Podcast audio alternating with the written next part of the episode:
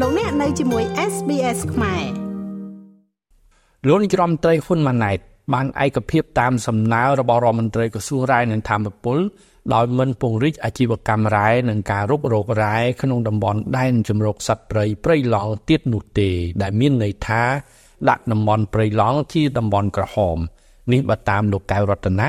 រដ្ឋមន្ត្រីក្រសួងរាយនឹងធម្មពល លោករដ្ឋមន្ត្រីកៅរតនៈបានបញ្ជាក់ថានៅតំបន់ព្រៃឡង់ដែលលាតសន្ធឹងនៅខេត្តក្រចេះខេត្តព្រះវិហារខេត្តស្ទឹងត្រែងនិងខេត្តកំពង់ធំ គឺមិនចេញអាជ្ញាប័ណ្ណថ្មីបន្ថែមក្នុងការរុករកធនធានរ៉ែពិនិត្យលទ្ធភាពផ្ទៃដីដែលសិក្សារួចនិងមិនមានលទ្ធភាពផលិតទុនធានរ៉ែនិងមិនអនុញ្ញាតឲ្យមានការពង្រីកផ្ទៃដីបន្ថែមទៀតសម្រាប់អាជ្ញាប័ណ្ណដែលមានស្រាប់ នៅក្នុងកិច្ចពិភាក្សាកាលពីថ្ងៃទី21ខែវិច្ឆិការៀបចំដោយក្លឹបអ្នកកសែតកម្ពុជា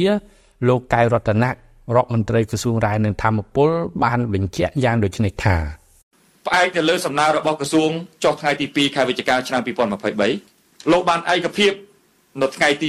2អញ្ចឹងដាក់ថ្ងៃទី2លោកឯកភាពថ្ងៃទី2ហ្នឹងថ្ងៃតដែលហ្នឹងបង្ហាញឲ្យឃើញឆន្ទៈរបស់សម្ដេចទឹកបតីបវរទឹកបតីហ៊ុនម៉ាណែតក្នុងតំបន់ព្រៃឡង់ទី1 ចាត់ទុកតំបន់ព្រៃឡង់ជាតំបន់ក្រហម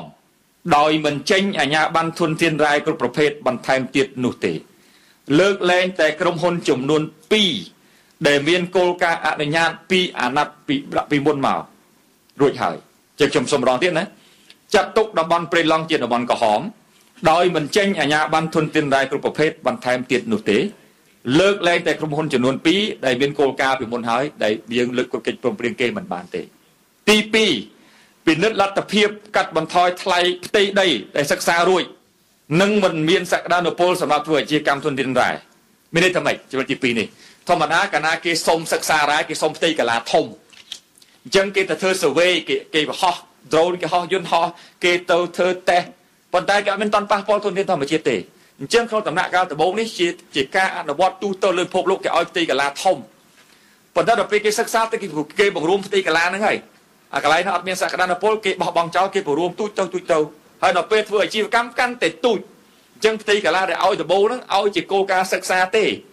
ដល់អាជីវកម្មជាក់ស្ដែងហ្នឹងគឺគេឲ្យតែទូចទេហើយត្រូវតែបលែងផ្ទៃដីហ្នឹងមកឲ្យរត់វិញដល់ពេលសិក្សាចប់ដែលអត់ត្រូវការអញ្ចឹងចំណុចទី2មានន័យថាម៉េចមានន័យថាយើងនឹងពិនិត្យលទ្ធភាពកាត់បន្ថយផ្ទៃដីដែលសិក្សារួចយកត្រឡប់មកវិញ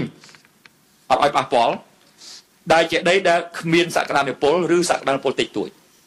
កុំឲ្យប៉ះពាល់ទៅទើជាតិហ្នឹងចំណុចទី2ដែលសម្ដេចទៅប្រៃឯកភាពចំណុចទី3មិនអនុញ្ញាតឲ្យមានការពង្រីកផ្ទៃដីអាជ្ញាប័ណ្ណបន្ថែមទៀតនោះទេ សម្រាប់អាជ្ញាប័ណ្ណដែលមានស្រាប់អ្នកណាដែលមានហើយបណ្ណាធ្វើឲ្យបណ្ណាគឺប៉ុណ្ណឹងហើយសួរថានៅក្នុងតំបន់ព្រៃឡង់មានតែមានការសិក្សាស្រាវជ្រាវប្រមាណមានក្រុមហ៊ុនជប៉ុនក្រុមហ៊ុនខ្មែរក្រុមហ៊ុនចិនទាំងអស់គឺមាន13 ចាប់ពីឆ្នាំ2008មកដល់បច្ចុប្បន្នមាន2013មាន13 13ហ្នឹងហើយ13អាជ្ញាប័ណ្ណនេះគឺសម្ដៅអាជ្ញាប័ណ្ណទាំងអស់គឺស្វែងរករករកទាំងអស់អីហ្នឹងវាមាន13ប៉ុន្តែក្នុងចំណោម13ហ្នឹងវាមាន3នៅខេត្តកំពង់ធំ គឺជាអាជ្ញាប័ណ្ណស្វែងរករកមិនថាមិនតាន់ធ្វើអាជីវកម្មហើយនឹងមានអាជ្ញាប័ណ្ណធ្វើអាជីវកម្មរ៉ែមាសចំនួន1ខេត្តកំពង់ធំ នៅខេត្តកញ្ចេះមានអាជ្ញាប័ណ្ណចំនួន7ដែលជាការសិក្សាស្រាវជ្រាវរុករកសិក្សាតម្លៃទេ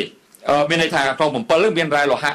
2ថ្មកបោចំនួន1ហើយមានអាជ្ញាប័ណ្ណឧស្សាហកម្មមួយធ្វើអាជីវកម្មរ៉ែនេះ1និងអាជីវកម្មថ្ម A1 តែប៉ុណ្្នឹងទេក្រៅពីហ្នឹងសិតតែសិក្សាឡើយទេហើយកាត់ព្រះវិហារស្វែងរុករកនឹងមានចំនួន2អត់តធ្វើអាជីវកម្មទេ ស្ទឹងត្រែងមានស្វែងរករករកមានមួយអត់ទាន់ធ្វើអាជីវកម្មទេអញ្ចឹងមានតែរួយមិនរីកសូមរំលឹកថាព្រៃឡង់គ្របដណ្ដប់លើផ្ទៃដីប្រមាណ3500គីឡូម៉ែត្រការ៉េ គឺជាតំបន់ព្រៃបៃតងទំនាបចុងក្រោយបង្អស់របស់អាស៊ីអាគ្នេយ៍វាជាព្រៃបៃតងទាបបំផុត ដែលនៅសេសសល់នៅលើឧបទ្វីបឥណ្ឌូចិន និងមានសមាជិកជនជាតិភាគតិចប្រមាណជា200,000នាក់រស់នៅក្នុងឬក៏ជុំវិញតំបន់ព្រៃឡង់ក្នុងខេត្ត4ដែលស្ថិតនៅខាងជើងទន្លេមេគង្គក្នុងប្រទេសកម្ពុជា ព្រៃឡង់កំពុងស្ថិតក្រោមការគំរាមកំហែងពីប្រភពផ្សេងផ្សេងគ្នាដែលបានដាក់ផលប្រយោជន៍សេដ្ឋកិច្ចដែលគិតខ្លីមុនពេលសុខុមាលភាពរយៈពេលវែងរបស់ប្រទេសកម្ពុជាចំការកសិពាណិជ្ជកម្មនិងប្រតិបត្តិការរុករករ៉ែក៏ដូចជាការកាប់បំផ្លាញព្រៃឈើរួមទាំងតំបន់ស្នូដែលងាយរងគ្រោះកំពុងកើតឡើងនៅតំបន់ព្រៃឡង់ការកាប់ឈើខុសច្បាប់រួមទាំងឈើប្រណិតនៅតំបន់ព្រៃឡង់ ត្រូវបានគេរាយការណ៍ថាកំពុងកើតមានយ៉ាងខ្លាំងធ្វើឲ្យសហគមន៍មិនអាចដកហូតឈើជ័រដែលពួកគេធ្លាប់អាស្រ័យផលនោះឡើយចំណែកការជីកយករ៉ែខុសច្បាប់សម្រាប់លោហៈធាតុមានតម្លៃនិងរ៉ែដែកក៏ត្រូវបានគេរាយការណ៍ថាកំពុងកើតឡើងផងដែរនៅព្រៃឡង់សារធាតុគីមីពុលក៏កំពុងត្រូវបានគេបោះចោលទៅក្នុងផ្លូវទឹកនៅព្រៃឡង់ដែលធ្វើឲ្យប៉ះពាល់ដល់តុល្យភាពអេកូឡូស៊ីដ៏ល្អរបស់តំបន់ព្រៃឡង់ និងបង្កគ្រោះថ្នាក់ដល់សហគមន៍ខ្ញុំមេងផល្លា SBS ខ្មែររាយការណ៍ពីរាជធានីភ្នំពេញចុច like share comment និង follow SBS ខ្មែរនៅលើ Facebook